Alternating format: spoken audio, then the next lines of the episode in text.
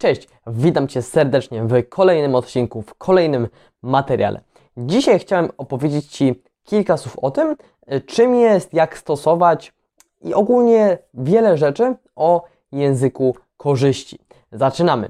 Po pierwsze, być może, jestem prawie pewien, że jeżeli słuchasz moich podcastów, e, oglądasz moje filmy, to obiło Ci o uszy to stwierdzenie, ten termin język korzyści. Być może nie do końca wiesz o co chodzi, więc zacznijmy od tego, że najpierw e, wyjaśnię, czym tak naprawdę jest język korzyści. Język korzyści to jest mm, komunikowanie, czy to w życiu, czy to w reklamie, e, poprzez pokazywanie potencjalnych korzyści, potencjalnych benefitów, które ktoś może e, dostać, które ktoś może otrzymać po tym, jeżeli A kupi, B zrobi tak jak my chcemy, e, bo tak naprawdę język korzyści nie ma tylko zastosowania w copywritingu, w reklamie, e, ale również w życiu. Bo kiedy załóżmy, chcemy kogoś do czegoś przekonać, to żeby to zrobić, również mówimy mu, co otrzyma w zamian, co zdobędzie, jeżeli zrobi tak, jak my chcemy, jeżeli nam na coś pozwoli. No i język korzyści jest ściśle związany e, z naszą sferą emocjonalną, ze sferą e, wyobraźni, dlatego że nie sprzedajemy tak naprawdę mm, czegoś, czegoś realnego, czegoś, że tak powiem, rzeczywistego, co można dotknąć.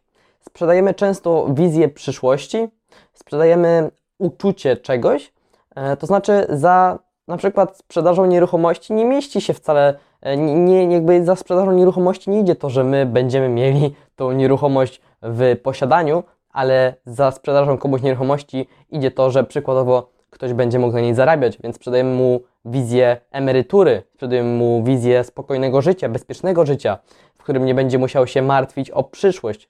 Jeżeli sprzedajemy komuś przyczepę kempingową, to nie sprzedajemy mu tylko e, kawałka metalu e, z plastikiem, krzesłami i innymi e, rzeczami, tylko sprzedajemy mu rodzinne wakacje, sprzedajemy mu mobilność, sprzedajemy mu spanie w podróży, ogromne możliwości, które niesie za sobą kamper. I język korzyści jest mega, mega istotnym i potężnym e, narzędziem marketingowym, narzędziem do przekonywania ludzi, e, ale co ważne, nie można mylić języka korzyści z cechami. Dlatego, że wiele osób przy mówieniu o swojej ofercie, o swoim produkcie, o tym, co chcą, mówi o cechach, a cecha to nie korzyść i trzeba tutaj jasno powiedzieć, chociaż jedno i drugie jest potrzebne. Korzyść jest potrzebna i cecha też jest potrzebna, z tym, że najpierw powinno się pojawić wyjaśnienie, czym coś jest, potem zaprezentowana korzyść poparta cechą, a nie cecha poparta korzyścią. Żeby tutaj nie być gołosłownym, powiem Ci na e, realnym, prawdziwym przykładzie. Załóżmy, że sprzedajesz komuś komputer. No i nie powiesz mu, że coś ma 4 GB RAMu, 4 GB pamięci RAM, no bo ktoś może w ogóle nawet nie wiedzieć o co chodzi. To nie jest żadne, żadne to nie są żadne dane istotne dla kogoś.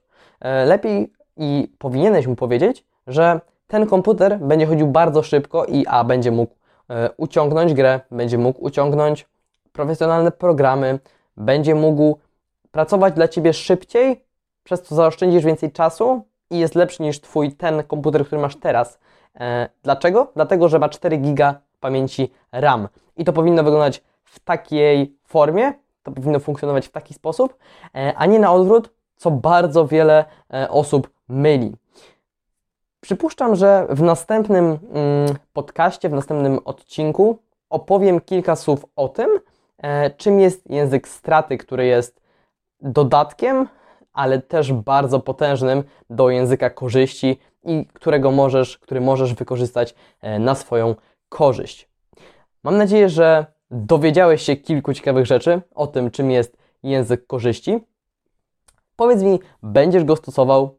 Już mam nadzieję, że wiesz, jak to robić, już wiesz, czym jest, więc teraz trzeba tylko się wziąć za użycie. Dzięki wielkie za obejrzenie, dzięki wielkie za posłuchanie. Pozdrawiam Cię serdecznie i życzę Ci miłego dnia. Trzymaj się, cześć.